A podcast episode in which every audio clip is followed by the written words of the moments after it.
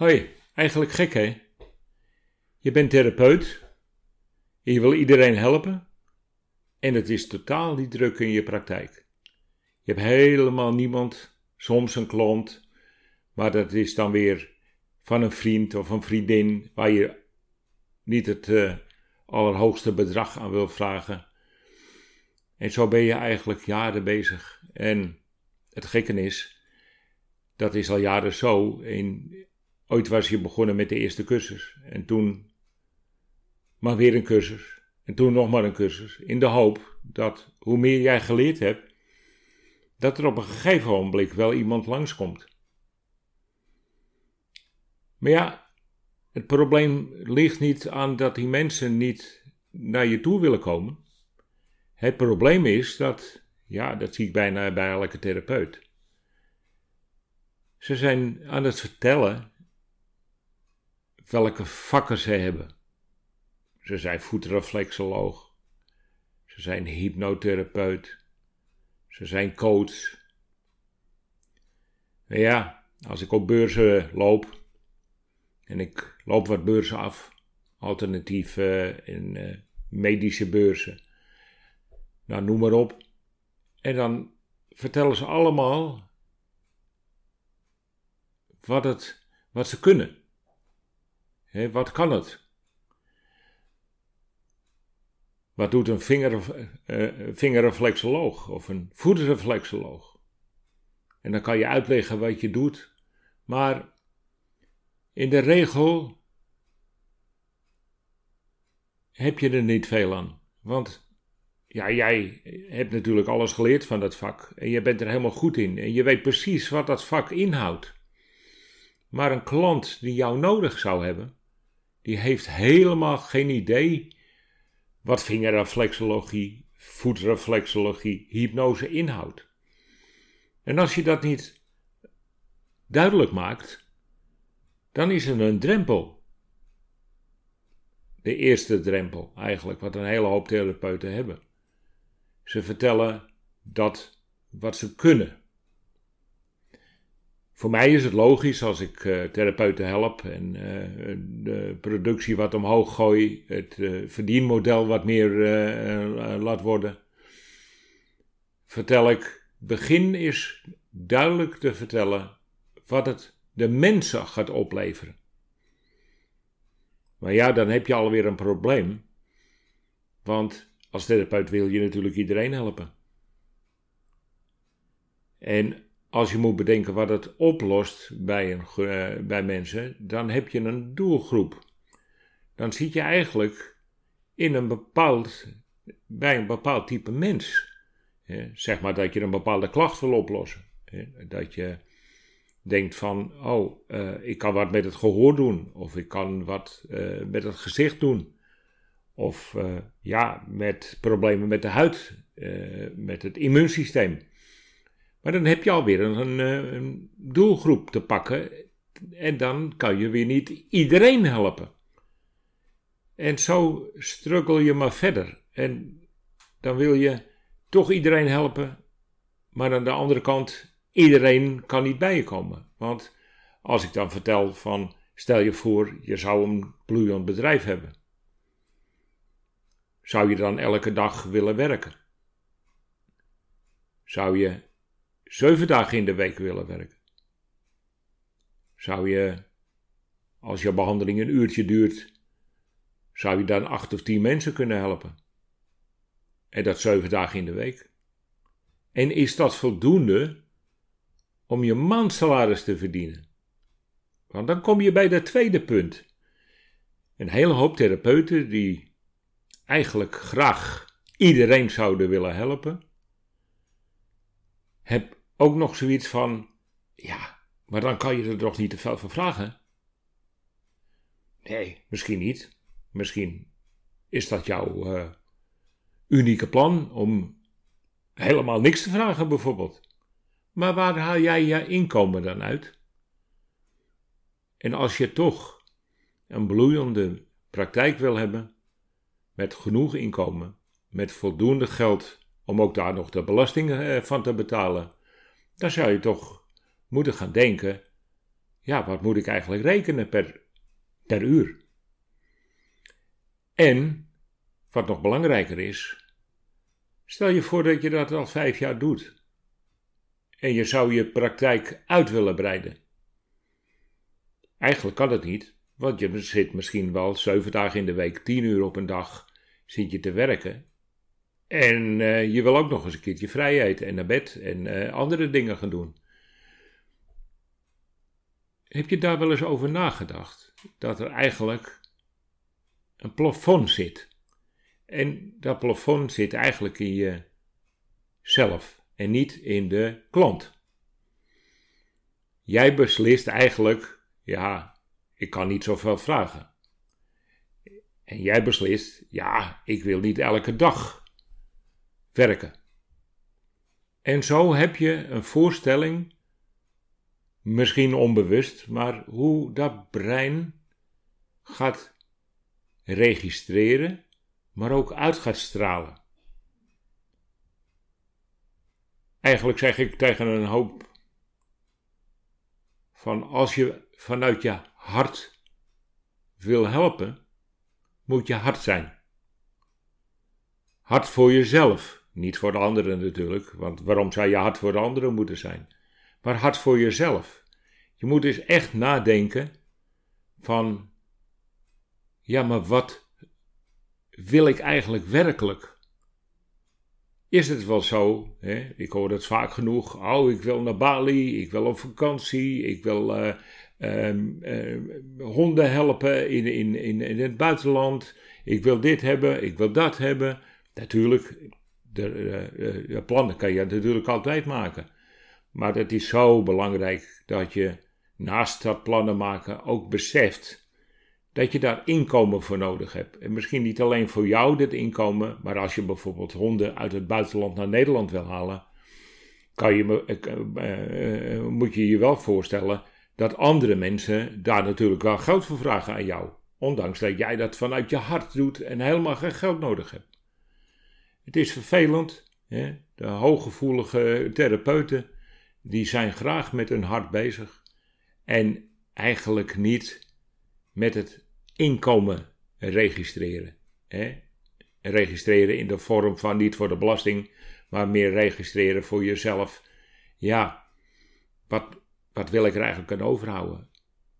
Ja, zelfstandige ondernemers hebben nog een moeilijk punt, is dat ze geen pensioen opbouwen. En daar komt er ook nog een keer bij. Eind eind als je klaar bent met en je bent gestopt, dan zou je toch ook nog door willen gaan. En het nadeel is, en ik hoor het wel eens meer, hè, laatst uh, was er een, uh, een, een, een ZZP'er bij mij en die zegt van, ja, ik zit in de bouw en uh, ik lever marktcomfort mijn prijs. Ik maak offertes en ik kijk naar wat de concurrent vraagt en weet je, ik ben zo uh, verstandig door 10% minder te vragen. Nou, ik zeg, dan zou je het wel druk hebben. Nee, er komt geen mens. Nee, die anderen zijn al lang bezig en ik ben net bezig. Nou, ja. Dus lijkt het je niet een goed plan om, zeg maar, eens 20% hoger te zitten? Ja, dan krijg ik helemaal geen klanten. Nou, je hebt ze nu toch niet, dus wat maakt het uit? en dan ga je vertellen wat het hen oplevert. Ja, daar heb ik eigenlijk nooit over nagedacht. Nou, in ieder geval dat wat je gedaan hebt, hoe briljant het eruit gaat zien, toch? En misschien als je een, uh, een bouwer bent, dat je foto's kan laten zien van, uh, van wat je al uh, eerder hebt gedaan. En ja, weet je wat het is? op een gegeven ogenblik zal toch die klant een keuze moeten maken. En klanten maken een keuze vanuit de emotie. Natuurlijk zal dat geld ook belangrijk zijn. Niet iedereen betaalt de hoofdprijs. Sommige mensen die zijn zo dat ze voor een dubbeltje op de eerste rij wil zitten. En wat gebeurt er dan als je toch al hartstikke goedkoop bent? Als je toch al bijna niks vraagt voor je behandeling? dan willen die mensen ook nog korting hebben. Want het is een manier van, van zijn. Die mensen lopen kortingen af in plaats van resultaat wat ze bereiken willen. Misschien is die korting krijgen wel het resultaat wat ze willen. Hè? Vandaar dat ze dat zo doen. Maar voor mij is het zo dat als je echt kijkt wat belangrijk is, dan moet je voor jezelf hard zijn. Dan moet je denken: ja, wat wil ik hebben? Waar wil ik naartoe? En uiteindelijk zal die keuze de doelgroep worden. En niet eerst een doelgroep kiezen en daar een prijs voor rekenen. Want dan ondermijn je jezelf en dan ondermijn je eigenlijk je eigen kwaliteiten. Want je zet je eigen kwaliteiten dan niet hoog. En je hebt heel veel gestudeerd en misschien hebben het duizenden euro's gekost. Maar als je je kwaliteit, hè, jouw handelen daarin, niet op een hoger plan zet, dan doet de klant het ook niet. Dan kijkt de klant ook naar je als zijnde, ah ja, doe het maar eventjes. Ik kom even op visite. En ik heb het in het begin ook wel eens meegemaakt. Ik kom even op visite, ik kom even langs bij je. En uh, uh, terwijl ze een bakje uh, thee of koffie krijgen. Oh ja, ik heb nog even een probleem. wil je even naar mijn vingers kijken? En ze houden netjes hun vingers op. En toen denk ik, zeg ik, nou, we zitten nu gezellig hier. En als je een afspraak wil maken, dan kan dat, dan, dan is dat goed. Maar ja, daar moet je nou gewoon voor betalen, of je nou een kennis bent of niet. Je kan misschien wel korting krijgen, maar onder een theekransje ga ik dat niet even doen. Ik vertel graag wat het kan en wat het inhoudt, maar behandelen doe ik in een behandelplan. En zo maken we eigenlijk, en zo zie ik heel veel therapeuten die fout maken. Ah ja, ik vind het niet zo belangrijk wat ik doe. En als ik iemand blij kan maken tijdens een thee of een koffiekransje, dan doe ik dat graag. Dan heb ik tenminste weer één iemand geholpen.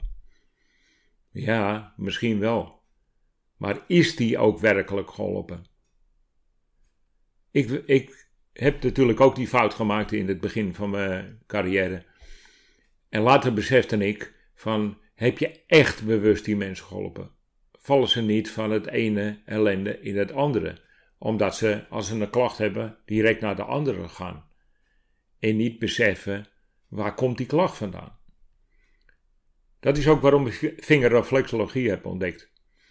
Of ontwikkeld eigenlijk. Ontdekt is dat natuurlijk een uh, gek woord, maar ik wilde erachter komen waardoor je die klachten hebt gekregen. En dat komt omdat het immuunsysteem misschien verzwakt was, maar ook omdat je nou eigenlijk een tegenwerkend proces hebt. Ook een hele hoop therapeuten die ik uh, zag en sprak, en nu nog trouwens, daar staan de vingers van krom. En dan denk ik, je bent leuk in je vak, maar niet leuk voor jezelf. Je bent niet echt in balans. Je neemt wel je tijd. En je bent misschien bezig met rustige momenten in je leven. Maar echt in balans is dat lichaam en geest één geheel vormen. En als die vingers krom staan, zoals het middelvinger naar de pink van de beide vingers, dan zie je dat ze afwijken. Oftewel, het brein heeft zowel in het denken, in het dagelijkse leven, wat, uh, wat je aan het bedenken bent, wat dat zou kunnen, maar ook in het vooruitkijken, dus de intuïtie oppakken, zijn ze aan het nadenken en niet doorkrijgen wat ze eigenlijk nodig hebben. Dus eigenlijk hebben ze bijvoorbeeld al wat er in de toekomst moet gaan gebeuren, of hoe ze moeten voelen, of hoe ze moeten zijn. Ja, ik krijg van vaak van die mensen die zeggen: Ja, dit is mijn pad niet. Ik zeg: Wat is je pad dan wel? Ja, mijn pad is uh, uh, mensen helpen uh, wat, voor een klein beetje. Ja, misschien is dat een leuke gedachte dat dat je pad is, maar wie bedenkt voor jou dat pad dan? En Uiteindelijk heb je dat zelf bedacht. Dat krijg je niet in, dat is geen ingeving. En daarom zeg ik van, ook in je intuïtie, dat wat je graag zou willen, is eigenlijk een bedenksel van het brein. Die is altijd aanwezig. Een of andere automethode in het buitenland zei ook tegen mij: Jullie Nederlanders, die kunnen niet mediteren. Want het brein kan niet langer dan een halve minuut stil zijn. Eigenlijk is het een vak mediteren. En we doen het er maar even tussendoor. Hè? Zeg maar uh, even rustig naar een muziekje luisteren, even je kop leegmaken. Dat is niet voldoende. Het is ook dat ik zeg van focus, visualiseren, mediteren en affirmeren. Fovimea. Nieuw bedacht woord voor mij. De beginletters van focus, visualiseren, mediteren, affirmeren. En als die vier, en eigenlijk de vijf, die A staat natuurlijk ook niet alleen voor affirmeren, maar ook al voor afroepen. Als dat zo is, dan komt het pad vanzelf beschikbaar. Het pad wat je graag, wat bij je past eigenlijk. En soms zeg ik met tegen uh, coaches al: eigenlijk moet je niet kijken wat je graag wil, maar je moet graag willen wat je doet. Als je daarmee bezig bent, heb je een succesvol leven, succesvol bedrijf en dan komen de klanten vanzelf bij je binnen. Het is gewoon leuk dat je, als je niks doet, maar alleen maar uitstraalt, dat dat al klanten oplevert. En dat was bij die bouwwerken was het ook precies hetzelfde. Hij deed niets anders. Hij ging niet extra aan het werk. Maar hij had voor zichzelf dat hij naar buiten trad als hij mee bezig was of hij een offerte aan het uitdelen was. Van dit levert op. Dit gaat u krijgen voor dat bedrag.